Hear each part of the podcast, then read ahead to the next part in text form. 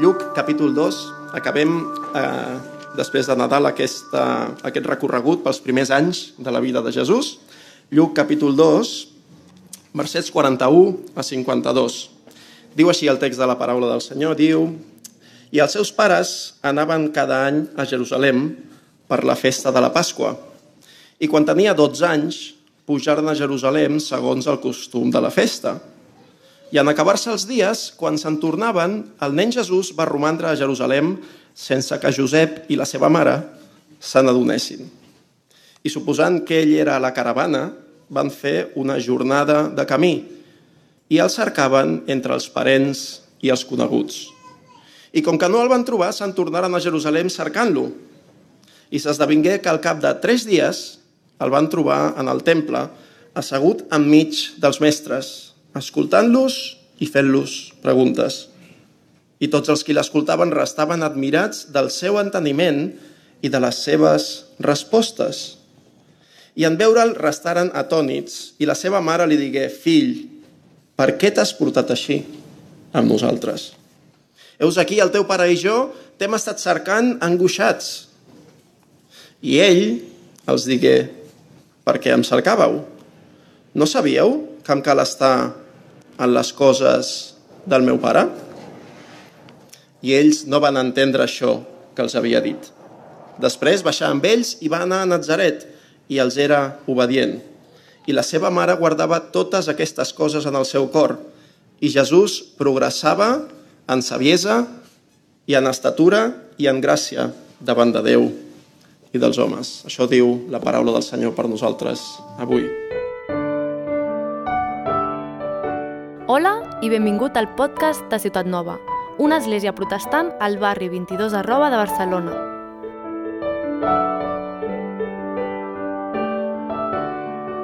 El títol de la predicació d'avui és Jesús l'adolescent. Doncs molt bé, Jesús l'adolescent, eh, com us deia, no sé si us sap greu els adolescents, avui utilitzarem molt aquesta paraula, eh? Si no us agrada, perdoneu-me.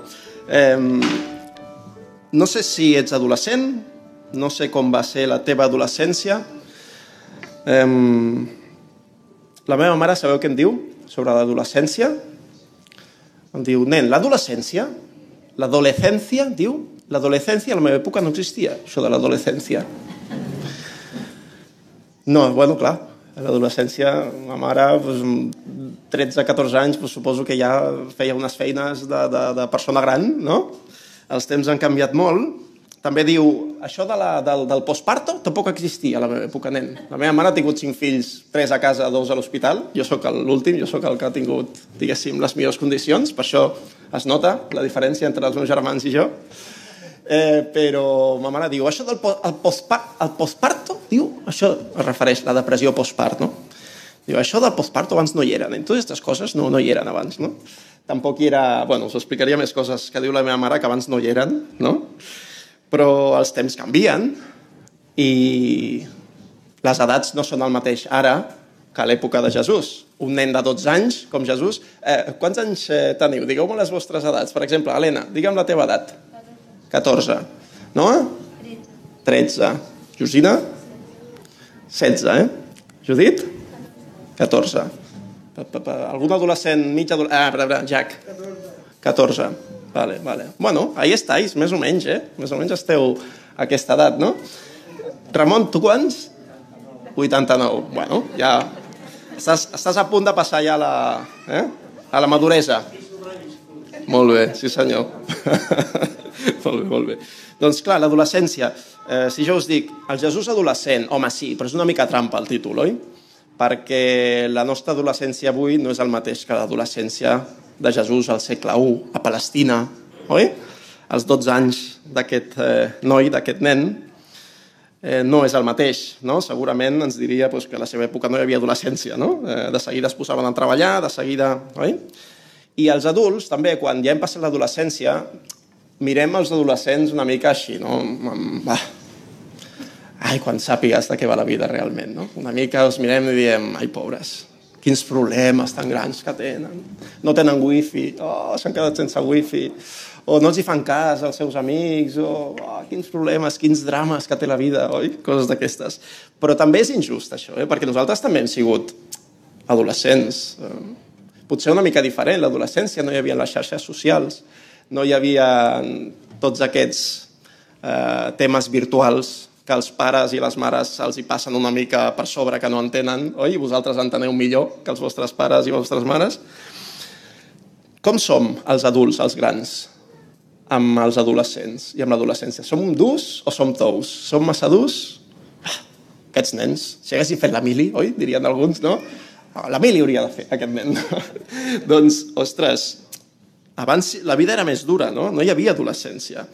I d'altres potser eh, pateixen de l'extra contrari, no? de, de l'extrem contrari, de, bueno, de, sobretot, eh, sigueu molt sensibles amb ells, sobretot heu de parlar amb ells d'una manera que ells... I és veritat, no? hi ha part de veritat en això, però sempre estem com en aquests dos extrems, no? O som massa durs o som massa tous, potser. Com ets tu amb els adolescents? No? Com a pare de nens eh, més petits, que encara no són adolescents, més d'un de vosaltres m'heu dit, uf, espera't, nens petits, problemes petits. Nens grans, problemes més grans. Oi que sí? Doncs el fill de Déu, el Messias, també va ser el que avui anomenaríem un adolescent. En aquella època les coses eren diferents, a la Barcelona del segle XXI, però sigui com sigui, el text d'avui és de l'Evangeli de Lluc per alguna cosa, per dir-te a tu, siguis adult, siguis adolescent, siguis més jove, siguis més gran, té coses a dir-te avui. Per tant, estiguem atents. Eh? En altres paraules, què ha passat en aquest text? Els pares de Jesús, d'acord amb el que deia l'Antic Testament, van a Jerusalem per la Pasqua, quan el poble d'Israel commemorava el seu alliberament de l'esclavitud a Egipte, oi? Jesús va amb els seus pares perquè ja té 12 anys. A l'acabar, sense que els seus pares se n'adonin, Jesús es queda enrere.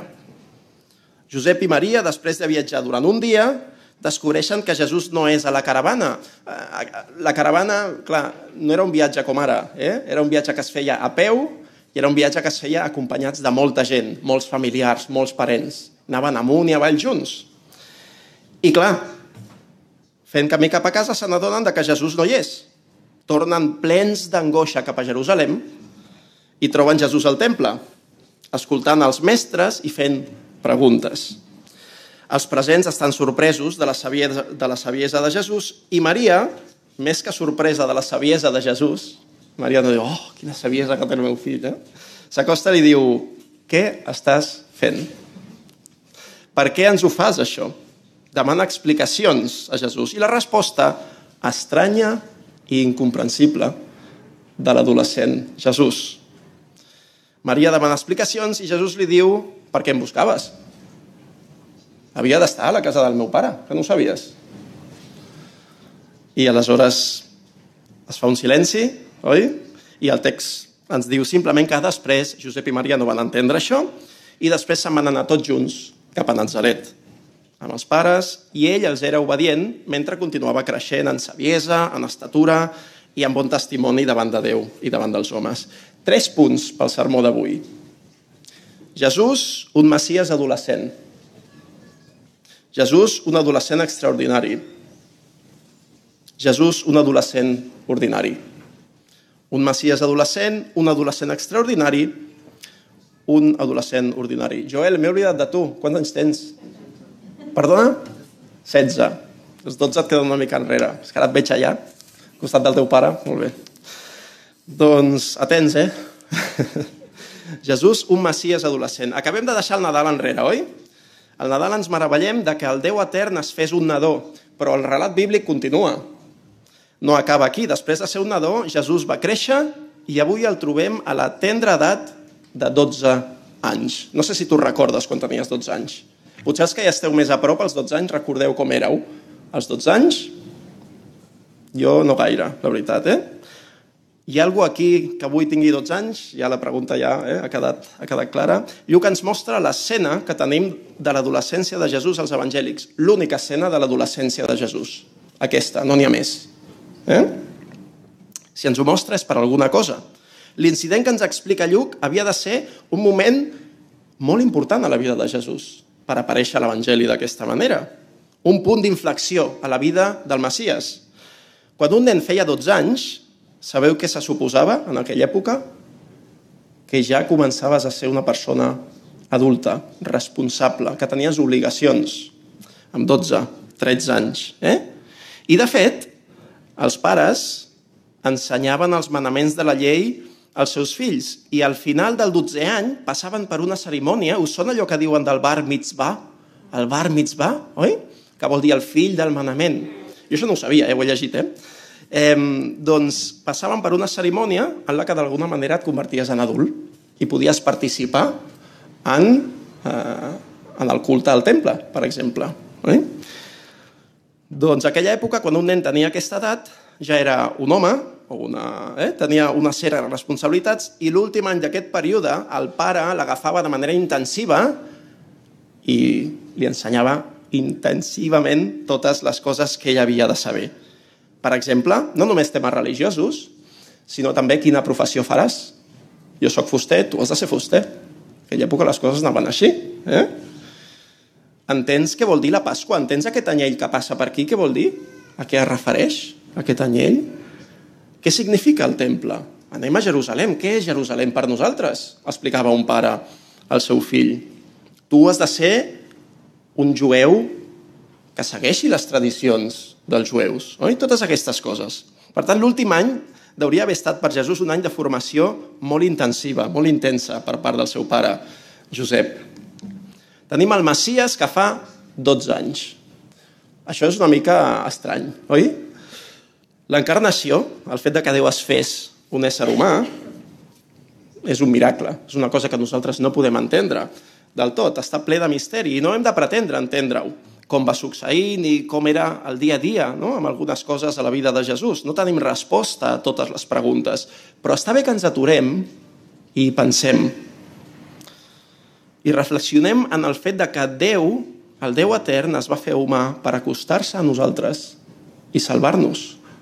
Això és el que hem recordat al Nadal de forma especial, oi? Quantes preguntes et venen al cap quan penses en això? Com havia de ser, per exemple? Eh, pares, per Josep i Maria, com havia de ser cuidar el nen del que s'havien dit coses tan grosses? Quina responsabilitat, quina pressió, oi? Ho estem fent bé? Estem donant-li l'educació que necessita? Serem capaços? Estem seguint el mètode adequat? T'imagines que en aquella època hi haguessin mètodes, com hi ha avui, els mètodes diferents, el mètode estivill per dormir el nen, el mètode del doctor González, el mètode... Avui hi ha mètodes diferents per tot per tant, sí, la vida abans era dura, però ara tenim uns estressos que abans segurament no hi eren. Com s'educava un nen abans? Pues, s'educava, ja està. Avui vas a la llibreria, tens com fer dormir el nen, 15 llibres, com fer diferents mètodes. Clar, com ho fas, això? Què penseu, adolescents? Era més fàcil ser adolescent a aquella època o a la vostra època? Podeu dir, si us equivoqueu, no passa res, igual. Diferent. Diferent, segur que sí. Diferent, oi? L'encarnació ens diu que aquell que era igual a Déu es va fer molt petit, fins al punt de convertir-se en un bebè que necessitava que algú li canviés el bolquer. Això ho hem recordat al Nadal. Aquell que era igual a Déu, Jesús, en la seva naturalesa humana, experimentaria el creixement físic, emocional i fins i tot espiritual. Jesús, en la seva naturalesa humana, va ser un nen que va haver d'aprendre a parlar, a menjar, a rentar-se, a llegir, a pregar. És un misteri molt profund que ens anima a admirar l'obra de salvació de Déu, que Déu hagi fet això pels éssers humans que ens havíem allunyat de Déu. És una salvació preciosa i extraordinària, un evangeli humil i gloriós alhora, com dèiem, oi? Els grans fets de la salvació de Déu que apareixen al llarg de la Bíblia no hi són perquè els analitzem, perquè tinguem curiositat i dir, ai, com, com, com va passar això, no? Ni perquè fem grans debats no? sobre alguns temes, sinó que busquen transmetre'ns un missatge d'alegria, de consol, d'ajuda i de glòria enmig de la humilitat. El nostre Messias ens va estimar tant que fins i tot va estar disposat a ser adolescent fins i tot a ser adolescent. Bromes a part, eh? Això ens ha de portar a l'admiració i a l'adoració d'aquest Déu tan especial que se'ns dona a conèixer a la Bíblia. No hi ha Déu tan proper a tu com el Déu de la Bíblia. El Déu que es fa petit per acostar-se a tu. El Déu que es posa a la teva pell, de veritat. Estaries disposat a fer això per salvar aquells que t'han menyspreat i fet fora? Quan li ha costat a Déu? Mai no sabré quan va costar morir a la creu pels meus pecats, cantàvem, oi? Quan li ha costat a Déu estimar-te? Quin cost ha tingut per Déu restablir la relació que tu i jo, segons la Bíblia, havíem trencat amb ell? Aquest és el missatge de l'Evangeli. Déu ha pagat aquest preu per salvar-nos. I aquest missatge de l'Evangeli és per tota persona, els més petits, els més grans i també vosaltres, els, els i les adolescents. En aquest punt és bo que també com a església ens preguntem hi ha lloc a la nostra església pels adolescents? I avui m'heu fet quedar bé, perquè mira, esteu aquí davant dels adolescents avui, oi? Amb la lluança. Però ens hem de preguntar com a església. Tenim lloc a la nostra església pels nens i nenes de 12, 13, 14 anys? Els hi donem lloc als nostres cultes? Els encoratgem com a família en la fe que som? Els tenim en compte a les nostres pregàries? Parlem amb ells? Intentem saber quines són les seves lluites? Jo sé que hi ha persones que ho fan, però aquesta és una feina de tota l'Església d'una manera o d'una altra. Hem d'estar a prop d'aquestes persones i interessar-nos per ells i per elles. Per tant, Jesús és un Messies que passa per l'adolescència. Després, segon punt, Jesús és un adolescent extraordinari. Anem a l'incident que ens relata Lluc avui. Eh? Jesús era extraordinari. D'entrada, potser et sorprèn i et sembla una gran irresponsabilitat que Josep i Maria no estiguessin més pendents del seu fill de 12 anys. Com perds un fill? No? Quina irresponsabilitat. Però és incorrecte que el jutgem d'aquesta manera. Pensa una cosa, la nostra societat i la nostra cultura són molt diferents de la que se'ns presenta en aquest text. La societat de Jesús era molt més comunitària, menys individualista que la nostra. Què vol dir això? Que en aquella època les famílies es barrejaven molt més, es relacionaven molt més eren una mena de tribu o de clan. Els avis, els tiets, els cosins, els amics, es barrejaven molt més que nosaltres avui. Tots els nens eren criats no només pels seus pares, sinó també pels altres adults. No només el pare i la mare, tot era molt més comunitari. I Josep i Maria podien estar tranquils de no veure el seu fill migdia, durant migdia. Nosaltres no el veiem durant mitja hora i ja estem patint, oi? Doncs en aquella època, i avui en dia també, en determinats països, en determinades cultures, et passes mig dia sense veure el teu fill i estàs tranquil. Ja hi haurà l'avi o la iaia o el tiet o el cosí, està amb els cosins segurament, oi? No calia que estiguessin constantment a sobre d'ell per estar segurs de que estava bé. Per tant, si Jesús es queda a Jerusalem, un Jesús amb 12 anys que expressa tota aquesta saviesa és perquè s'hi vol quedar. Dit això, t'imagines l'angoixa de Josep i Maria? El troben el tercer dia al temple. D'entrada, Jesús és un adolescent especial. On buscaries un adolescent normal que s'ha quedat sol? Oi? Per al poble d'Israel, el temple era molt important, perquè allà és on hi havia la presència de Déu de manera especial i era el centre d'adoració. Josep i Maria es passen tres dies plens d'angoixa mentre busquen a Jesús. El primer dia de viatge a tornada, pensant que Jesús està a la caravana. El segon dia de retorn a Jerusalem per buscar Jesús i el tercer dia quan el troben. Què hauria passar pel cap d'aquell pare i d'aquella mare? Què hem fet? Hem perdut el nostre fill, però és que hem perdut el Macias. Com pots perdre el Macias? No? I quan el troben i escolten la seva... Bueno, el troben i escolten la seva resposta. Aquí ja sí que el nen, per fer broma podríem dir, el nen ens ha sortit raret. No? El nen ens ha sortit raro, no? Què vol dir això que ens ha dit? Com reaccionaries tu com a pare o com a mare per què em buscaves? Havia d'estar aquí jo. No sap, a mi se m'aixeca una mica la mà, saps? Ja automàticament i m'entren ganes de donar clatallot, no? O allò que dius, eh, clatallot, no? No, no, no donem gaires clatallots a casa. Maria pren la paraula i li diu, fill, per què ens ho fas això? Fill, precisament ara, que ets un adult, que davant de tothom estàs a punt de ser considerat adult, ara que se suposa que acabes de rebre una formació intensiva durant un any del teu pare, se suposa que havies de seguir el seu exemple, honorar-nos, obeir-nos. Com ens pots fer això? Com pots deshonorar el teu pare i la teva mare ara que tothom està mirant? I Jesús respon, mare, amb altres paraules i amb una actitud que potser ens sorprèn. Jesús era especial. Jesús respon amb altres paraules, mare, jo estic honorant el meu pare. És això precisament el que estic fent, quedant-me avui al temple. Soc on havia de ser, a la casa del meu pare, del cel. Potser les paraules de Jesús referint-se a Déu com a seu pare ens sonen familiars avui, Avui tothom entén, per influència del cristianisme, que els éssers humans podem ser fills de Déu, no? Tots som fills de Déu, et dirà fins i tot la persona més escèptica, no? Però la idea de ser fill de Déu i de veure el temple com la casa del teu pare no era normal a aquella època. Ni per Josep, ni per Maria, ni per ningú a aquella època. Fins i tot a l'Antic Testament la idea de Déu com a pare hi apareix molt pocs cops. I ho fa referint-se a Déu com el pare de la nació d'Israel però no com un pare amb qui tens una relació personal i íntima, que és el que està dient Jesús. Per què em buscàveu? Perdona? Perdona? Per què et buscava? Jesús no és un nen de 12 anys innocent i tonto, diríem. Jesús sap el patiment que han passat els seus pares les últimes hores el que està fent Jesús en una societat patriarcal com la seva és dir-li als seus pares la meva relació amb Déu relativitza la meva relació amb vosaltres.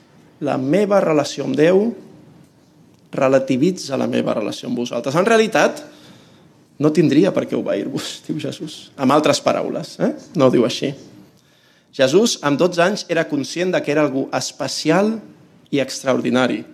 I un adolescent està en el punt de la vida en el que està entenent qui és, qui vol ser, què farà amb la seva vida, la seva identitat. I sembla que com a adolescent també Jesús en la seva naturalesa humana arriba a entendre qui és realment i quina és la seva missió, la seva identitat. A la vora de l'edat adulta ja diu als seus pares d'una manera inoblidable que ara sap qui és el seu veritable pare i què significa això per la seva missió. Per Maria significarà, com li va dir Simeó, que una espasa també et travessarà l'ànima. Les paraules, t'imagines que diguessin aquestes paraules, oi?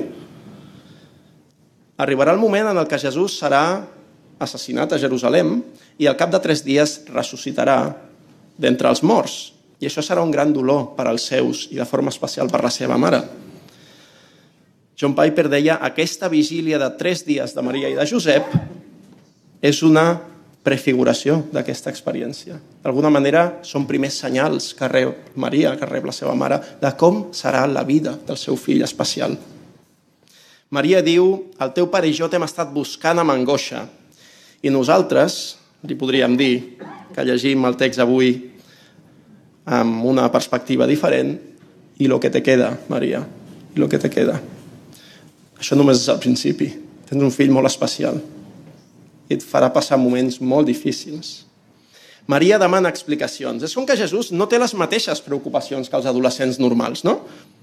Potser la resposta de Jesús transmet certa ingenuïtat típica d'un adolescent despistat. Ah, per què em buscàveu? Estava aquí, estic, estic bé.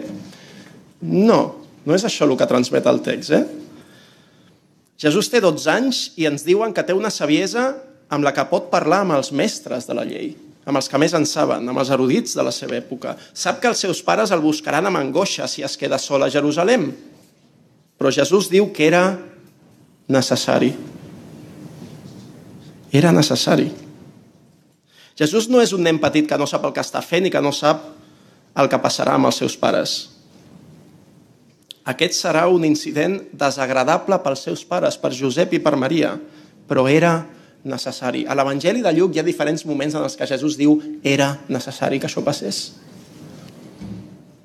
I això et parla d'un pla, d'un propòsit en aquelles coses que estan succeït. Jesús no mostra preocupació. Parla dient que allò forma part d'una cosa que ha de succeir, d'un pla que ha de succeir. Això és el que havia de fer, els hi diu. Què ens diu aquest missatge principalment? Jesús reconeix ara la seva relació única i especial amb Déu. És el seu fill únic, amb lletra majúscula, fill de Déu. Jesús és un adolescent extraordinari. Jesús, en la seva naturalesa humana, entén que la seva missió requerirà d'ell una devoció als propòsits de Déu tan gran que superarà la seva relació humana més íntima i propera amb els seus pares. Jesús ha de seguir aquesta crida, fins i tot si això comporta dolor i malentesos. Els seus pares no l'entenien. D'aquesta manera, Lluc ens prepara pel ministeri adult de Jesús. Jo no sé si a tu Jesús et confon, en general. Jesús ens confon. Sí, siguem creients o siguem no creients. És una persona que no ens deixa indiferents. Les coses que diu, oi? Si Jesús et confon com a cristià, tens un exemple en el que feia Maria quan Jesús el confonia o quan Maria es trobava confosa. No entén res, però guarda i medita totes aquestes coses en el seu cor. Quan un no entén res, de vegades l'actitud és dir això no ho entenc. I el fet que jo no ho entengui vol dir que no té sentit.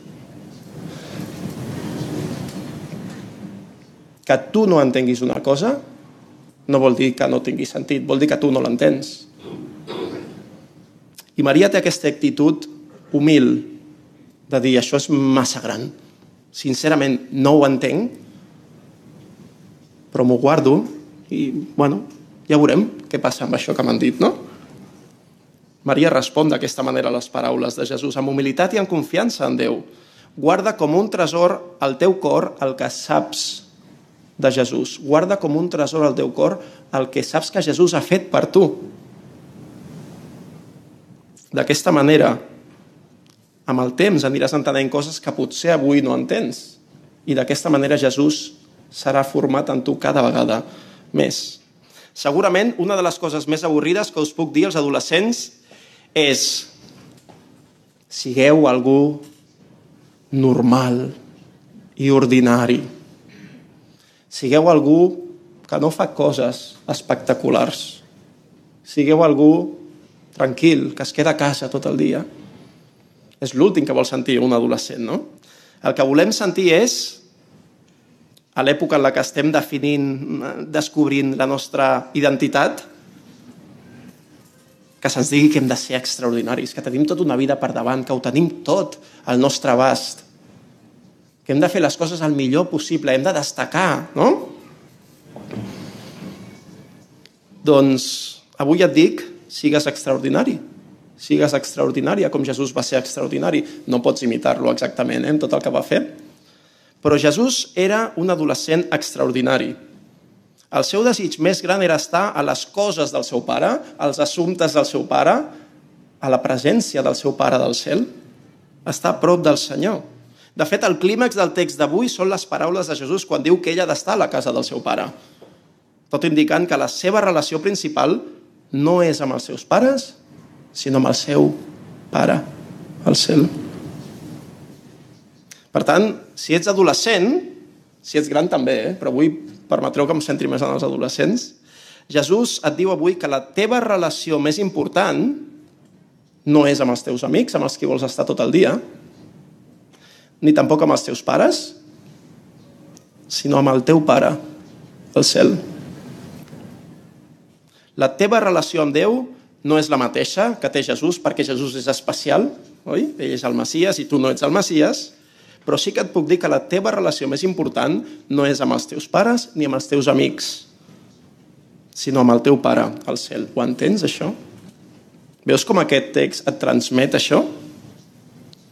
Estàs cridat a ser extraordinari i a imitar coses extraordinàries de Jesús. Estàs cridat a ser, per damunt de tot, un fill de Déu. Com respondràs a aquesta crida? Que sàpigues que no hi ha hagut persona més extraordinària en tota la història que Jesús. Si ets adolescent, no hi ha referent millor per la teva vida. Tingue'l com a referent. Que la teva adolescència et serveixi per entendre de forma adulta com n'és d'important la teva relació amb Déu. Ets el seu fill? L'estimes? Creus en ell? Vols estar allà on està ell?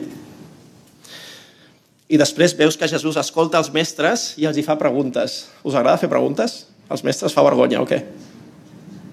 A mi feia, mai feia preguntes, era molt vergonyós, jo soc molt vergonyós, encara que ho sembli. Doncs Jesús feia preguntes. I també com a església ens hem de preguntar, a la nostra església acceptem les preguntes dels adolescents? O, o generem l'espai perquè els adolescents puguin, els més joves puguin fer preguntes? És important. En aquella època Jesús ho va poder fer. És veritat que ell era molt especial i sabia moltes coses, però hem de tenir aquests espais també, oi? És fàcil escoltar els mestres de l'Església? Permetem les preguntes? Per tant, Jesús és un Messies adolescent, és un adolescent extraordinari, però també, últim punt, és un adolescent ordinari. Jesús és un adolescent extraordinari, però no és un adolescent tan diferent a tu com perquè no puguis ser un exemple adequat per tu. No és un adolescent tan diferent a tu com perquè no pugui ser un exemple per tu. A la vida de Jesús hi ha coses extraordinàries, però n'hi ha moltes que són molt ordinàries. I són importants. El text d'avui, Jesús és un messies adolescent que aprèn coses dels seus pares. Què aprèn dels seus pares? Aprèn la importància de ser fidel a les rutines espirituals, als costums espirituals del seu poble. Josep i Maria van fer, mira, atents, eh? Josep i Maria van fer 130 quilòmetres a peu en aquella caravana per celebrar la Pasqua. I avui, com a pares d'adolescents, tenim el mateix repte no el de fer 130 quilòmetres, però sí el de transmetre aquestes rutines, aquestes costums espirituals que necessiten rebre els nostres fills també.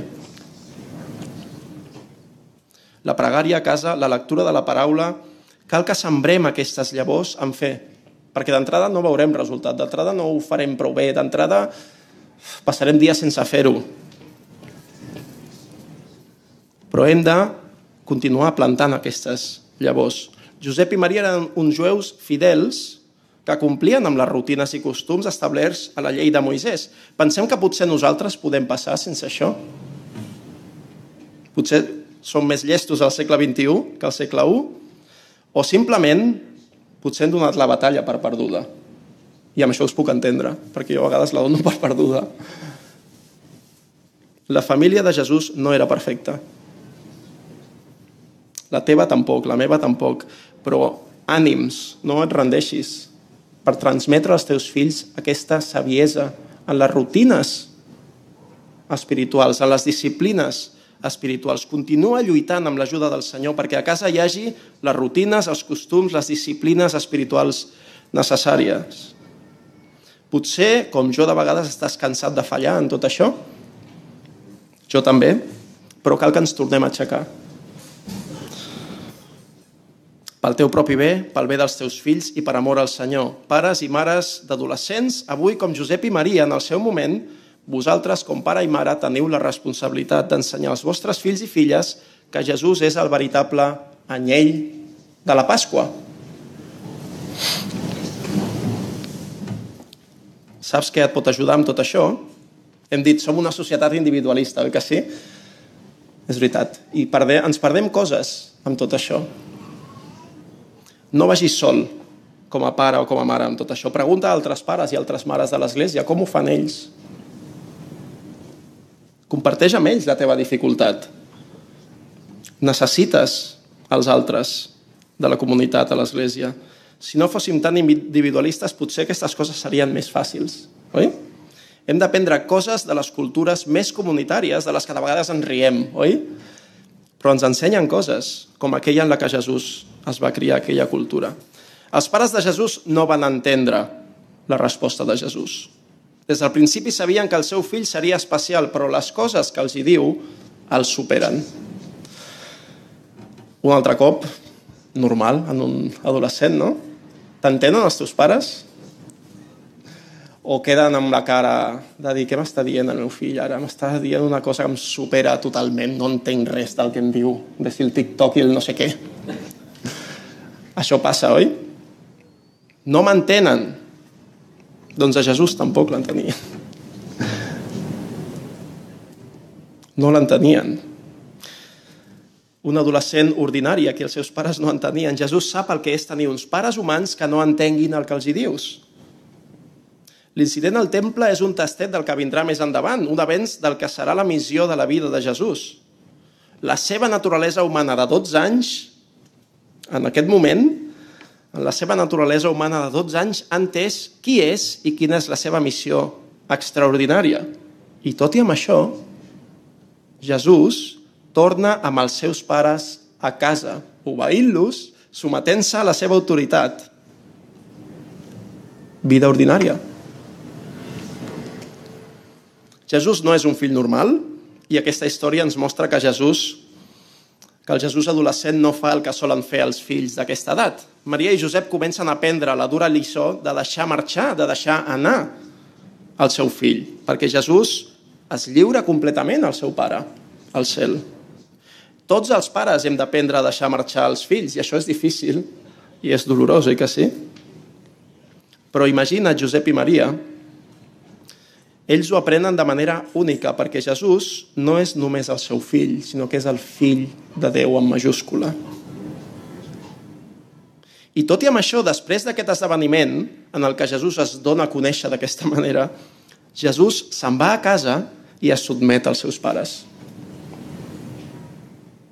Jesús, amb la seva manera d'actuar, mostra que els respecta, que els honora, que els estima profundament. I jo us preguntaré, adolescents, ja no us miro, preguntaré, adolescents, Vladi, és això el que transmet la nostra vida com a adolescents? Jesús et crida a seguir el seu exemple en allò ordinari, una cosa tan ordinària, o potser extraordinària, com obeir als pares. Els pares de Jesús no eren perfectes, s'equivocaven i no entenien coses que el seu fill els hi deia. I tot i amb això, Jesús els honorava, els estimava i els obeïa. Ningú hagués tingut més dret a desobeir els seus pares que Jesús. Però ell va decidir obeir els seus pares. Per tant, imita a Jesús en allò ordinari. Jesús avui et diu que tot i que la teva relació més important no és amb els teus pares, sinó amb el teu pare al cel, la teva confiança i obediència als teus pares terrenals, podríem dir, és molt important. Si hi ha algú que pot mirar amb menyspreu als seus pares i dir no sabeu res de la vida, aquest no ets tu, aquest és Jesús. Jesús podria dir això perfectament als seus pares. Ell els ha creat. Però ell mai va fer això. Tot i saber que ell era especial i extraordinari de veritat i de deixar-ho ben clar als seus pares, tot just després se sotmet a ell, els obeeix i camina amb ells cap a casa. I en el seu dia a dia és així, la vida de Jesús. Una vida extraordinària, però també una vida ordinària. També els més grans us diria no siguem massa durs, ni tampoc massa tous amb els nostres adolescents. Acostem-nos a ells com ho faria el Senyor Jesús. Com s'acostaria Jesús als adolescents? Mirem-los en compassió, mirem d'entendre'ls, posem-nos a la seva pell, com Jesús es va posar a la seva pell, abans de criticar-los i matxacar-los. Abans la vida era més dura que ara, és veritat, en molts aspectes, però avui dia els adolescents tenen una sèrie de reptes que ni tan sols tu i jo, com a persones de 40 anys o de 50 anys, sabríem com donar resposta. Per altra banda, si ets adolescent, et vull dir que el Senyor sap el que fas front cada dia. Ets important per al Senyor. Ell entén els teus reptes.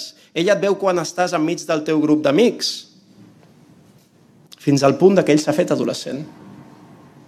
Ningú com ell ha estat a la teva pell, entén els teus reptes, les pressions a les que et sents sotmès cada dia, les pors a ser al centre d'atenció o la por a passar totalment desapercebut. Que ningú et faci cas, que ningú del grup t'accepti. El Senyor Jesús no menysprea els teus problemes. Acosta't a Jesús amb els teus problemes. Descobreix com l'Evangeli té el poder d'acabar amb els grans ídols de l'adolescència. Sabeu quins eren els meus ídols a l'adolescència? doncs bueno, parlaríem de ser el més popular, oi? En l'institut, de ser agradable pels altres, ser protagonista, la por al que diran, sobretot que no diguin res dolent de mi. Que m'acceptin en el grup, si plau. Si no m'accepten al grup, seré el marginat de l'institut. Em miraran amb pena. No seré ningú. En Jesús i el seu evangeli hi ha la bona notícia de que pots ser lliure de totes aquestes pressions. No necessites tot això. No necessites agradar als altres. No necessites ser el més conegut a l'escola. No necessites ser el número 1. El que realment necessites és ser agradable a Déu. Ser acceptat per ell. I això, gràcies a l'obra extraordinària de Crist a la creu, ja és teu si creus en ell.